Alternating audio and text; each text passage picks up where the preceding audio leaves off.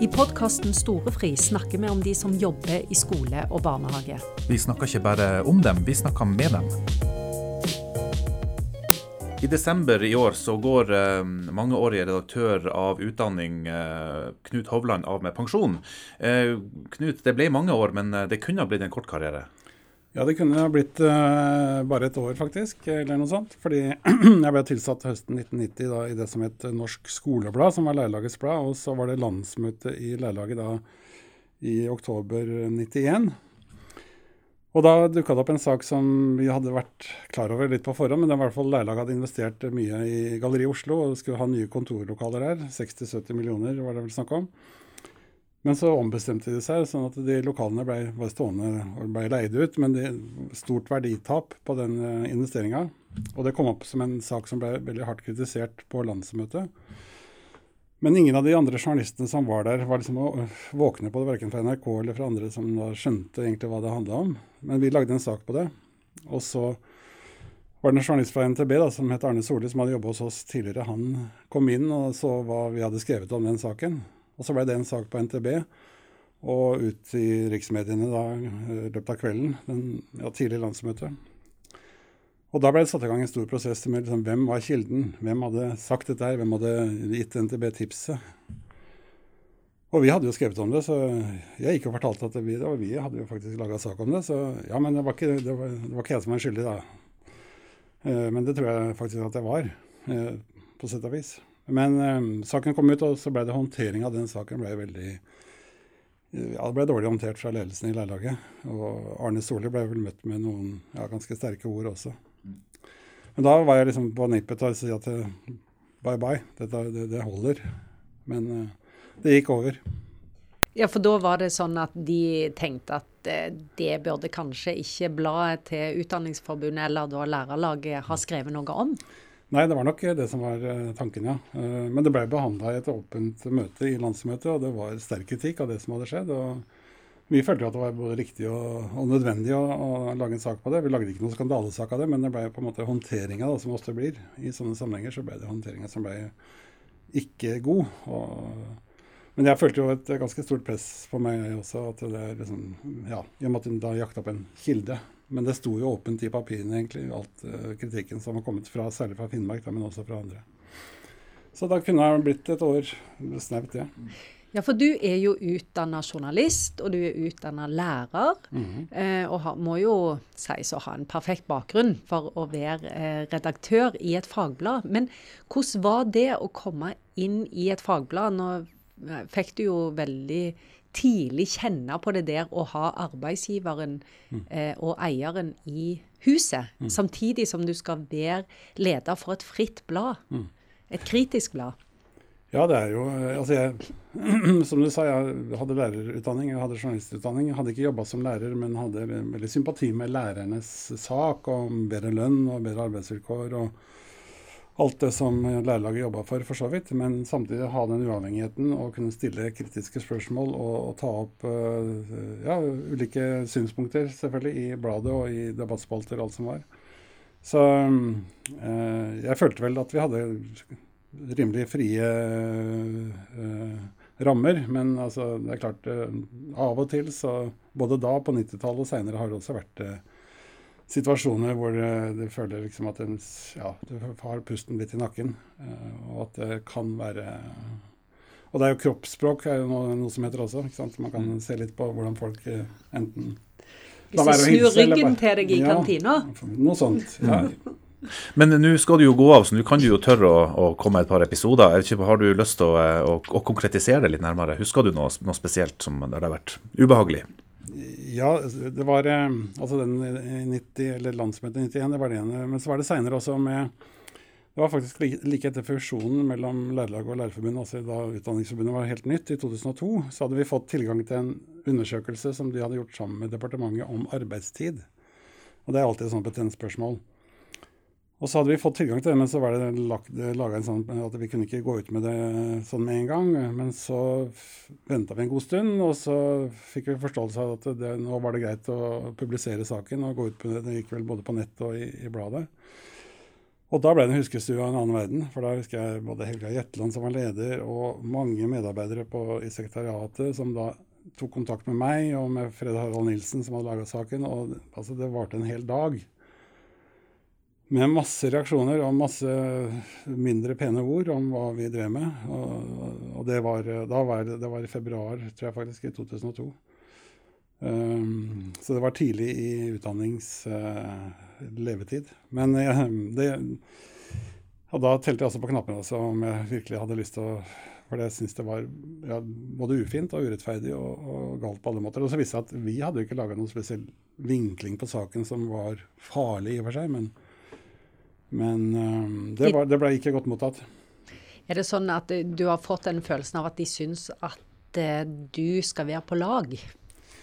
Ja, det, det kan, vel, kan vel gjerne si det sånn. Men, og det er klart at I formålsparagrafen vår så er vi også på, på sett og vis knytta opp mot Utdanningsforbundets eh, formål, men vi har jo da samtidig sikra vår uavhengige plass. og jeg syns jo både daværende ledelse og nåværende ledelse bør, eller burde ha tatt inn over seg at vi har en viktig jobb å gjøre for å få frem nettopp ulike synspunkter og kritiske spørsmål rundt det som Utdanningsforbundet gjør eller hva de uh, avtaler som er inngått osv., om det holder vann.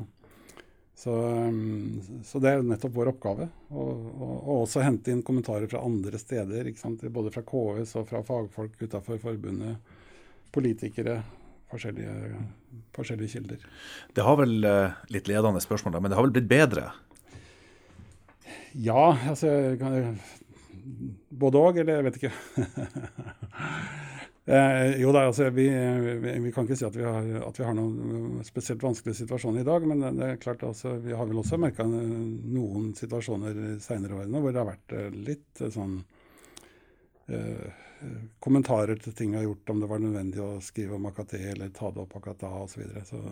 Men eh, jeg tror forståelsen for at vi skal ha vår uavhengige plass, det, den har nok, forståelse for det har nok vokst og er sterkere nå enn den var tidlig på 90-tallet. Det, det, det, er ganske åpenbart.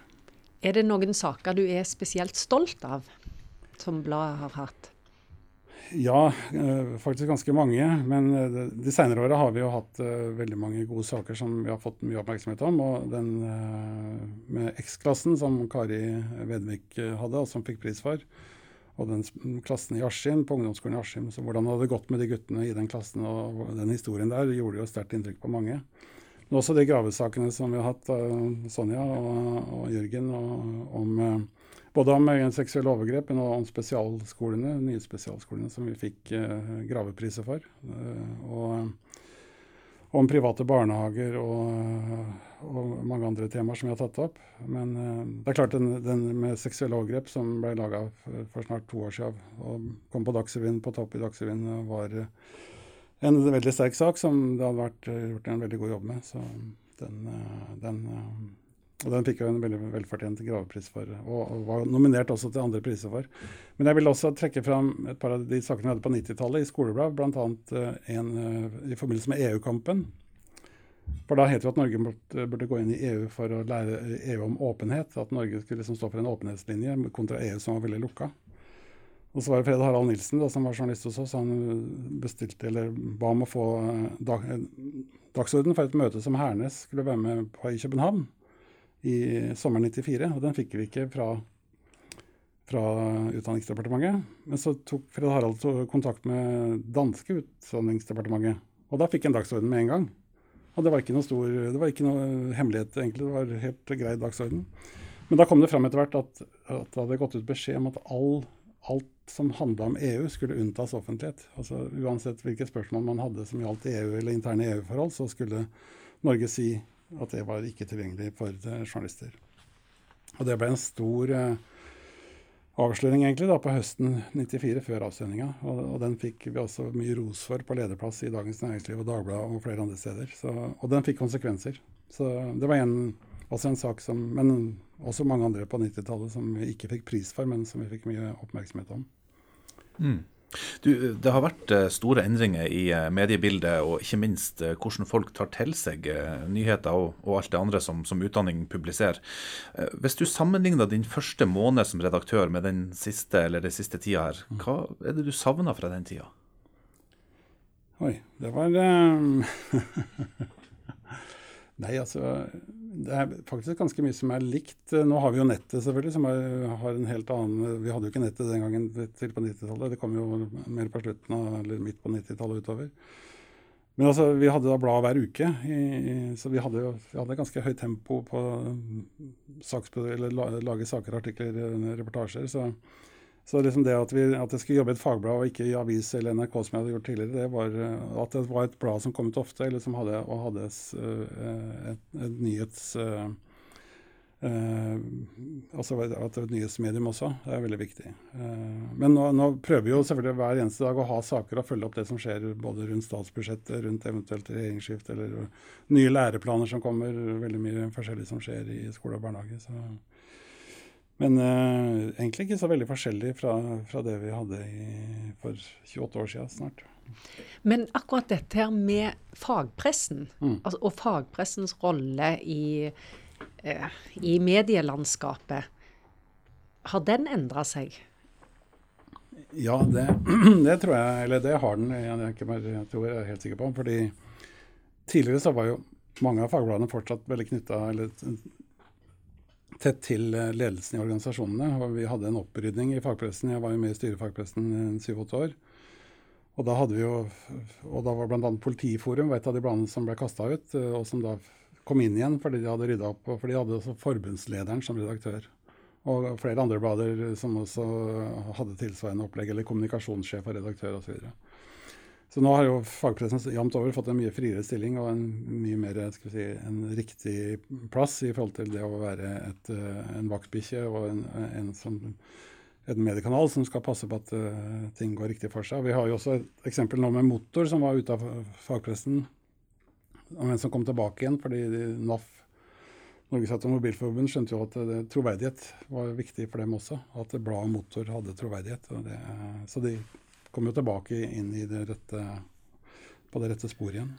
Og så har man uh, leserne, da, ja. som, uh, som, kanskje til tider har litt vanskeligheter med å forstå forskjellen på informasjonsarbeid, altså kommunikasjonsavdelinga, og det den frie redaksjonen gjør. Er det, er det, en stor del av jobben din, har det vært å oppdra leserne til å forstå at det vi gjør, er Det, det er, ikke, det er bladet deres, men det er ikke, det er ikke bladet deres? Ja, det, det, er, det, er, sant, det. Ja, fordi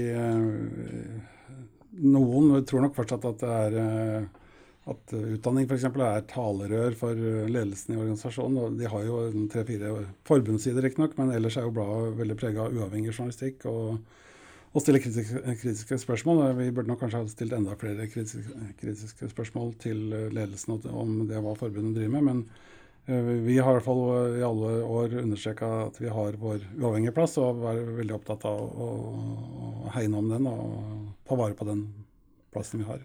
Vi ser, vi ser, jo, eh, unnskyld, men altså, vi ser jo i Sverige bl.a. hvor det nå er endringer på gang, hvor da bladene i Sverige enten har blitt tatt over eller privatisert i det ene tilfellet, og annen, det andre bladet, Lærernes Tidning, er nå, står nå på en måte i fare for å bli en del av kommunikasjonsavdelingen da, i Lærerforbundet. Det er jo noe som blir diskutert i disse dager. Har du frykta det samme for utdanning? Nei, det har jeg ikke. Det har ikke vært, jeg eh, har ikke hørt noen sånne ideer eh, eller tanker her i, i Norge. Men eh, det var jo bl.a. i Fagforbundet for noen år siden det var jo en stor debatt om hvordan fagbladet til Fagforbundet skulle være organisert. Og da var det også like før de havna i kommunikasjonsavdelingen vel, i, i Fagforbundet. Men der ble det vel også tok man til fornuften og, og fortsatte som, eh, som, man burde gjøre. Mm. Hva tilbakemeldinger eh, fra leserne, altså lærerne og barnehagelærerne, er det du har satt mest pris på i løpet av disse åra? Ja, det har, vært, det har vært mye både ris og ros.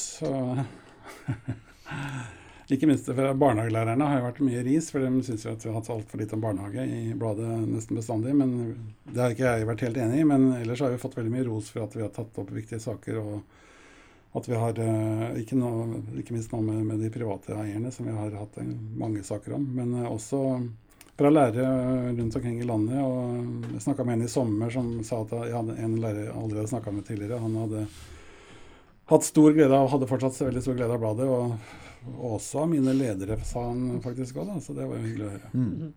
Eh, hvis du tenker litt tilbake nå de eh, snart 30 årene du har, eh, du har jobba i, i, bladet, så er det en utdanningspolitisk sak du kunne tenkt deg å ha reversert hvis du har fått frie tøyler? Ja, det var det, da. det altså Reform 97, som handla om seksåringene inn i skolen og, og tiårig skole, det, det, har vi vel også sett nå de senere ukene, hvor VG har kjørt en egen serie om det. Men vi har også hatt uh, en del artikler om det. Og at det var, det var en, en, reform som var veldig uh, mye diskutert før han ble, kom på plass. Og vi hadde jo mange mange saker om det i forkant av, av det som da starta i 97. Så jeg tror nok den uh, reformen har vel ikke gitt verken det resultatet som man håpa på, eller ja, Altså, den ungene er sannsynligvis for noen er jo bare fem år når de begynner skolen. Og det er nok veldig tidlig. Og selv for gutta så det, kan det være veldig tidlig. Så jeg tror nok det Jeg er ganske sikker på at det burde vært eh, diskutert og kanskje vært Men å ta det i revers nå, det blir eh, muligens litt vanskelig. Men det, var jo, det var jo lagt opp til et helt annet opplegg også i starten, med barnehagelærer inn i skolen og, og en helt annen skal si, lekpreg av pedagogikk da, de første årene. Som, men det ble jo endra etter hvert. Du, nå skal du jo bli pensjonist. Mm. Syns du det er trist at du aldri fikk være lærer?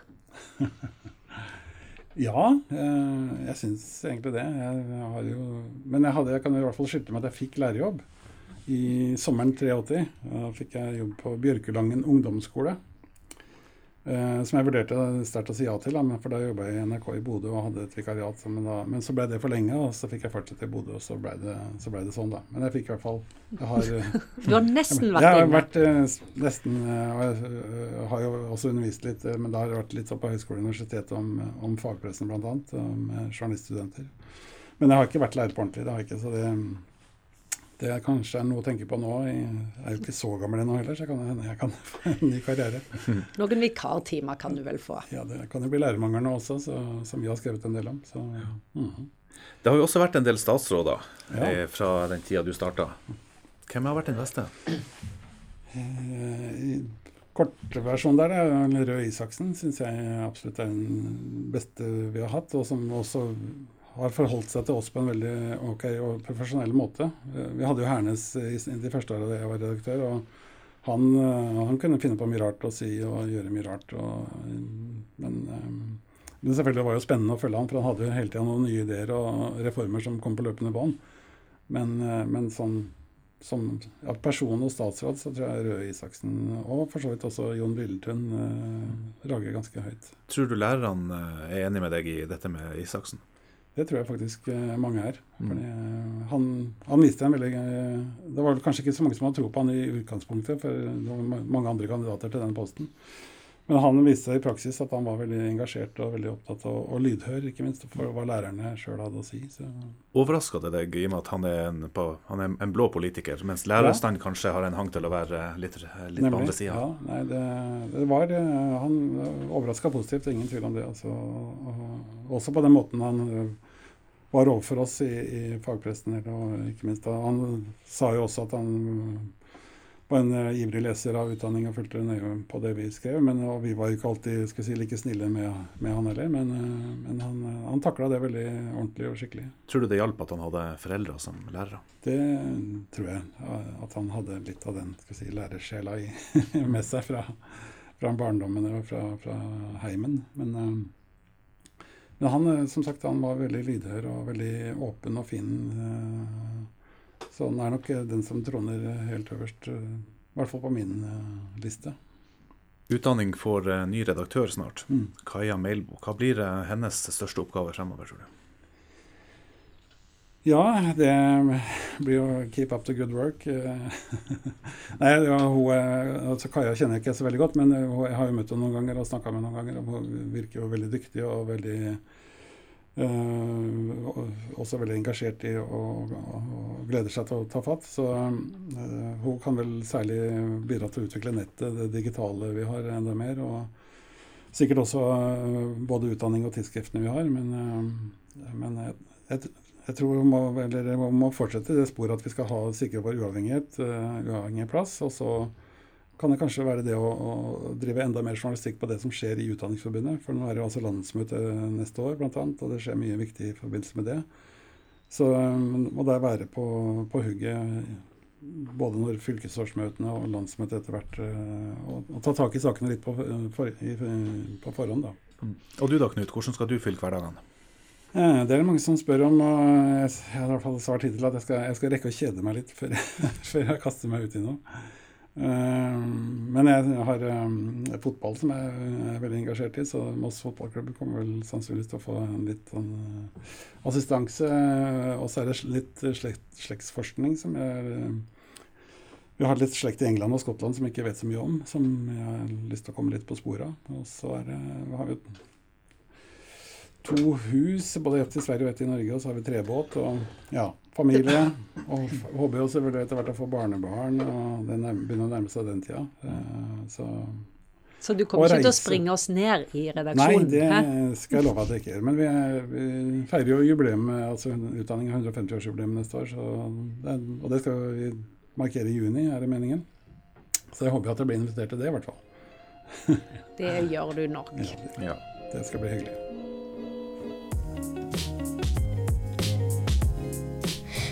Podkasten Storefri er produsert av Utdanning.